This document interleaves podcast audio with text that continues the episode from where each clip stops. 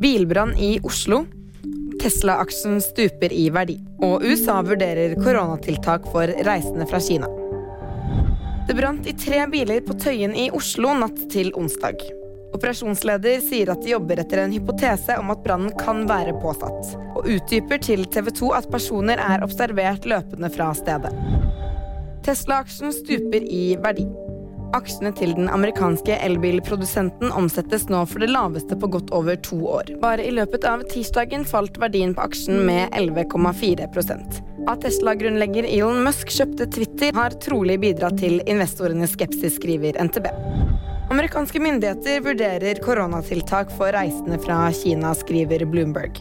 Ifølge ikke-navngitte kilder til Bloomberg er myndighetene bekymret for det økende antallet koronasmittede i Kina. I tillegg til at de er i tvil om kinesiske myndigheters åpenhet rundt spredningen av viruset. Og VG-nyheter fikk du av meg, Kaja Stoltenberg.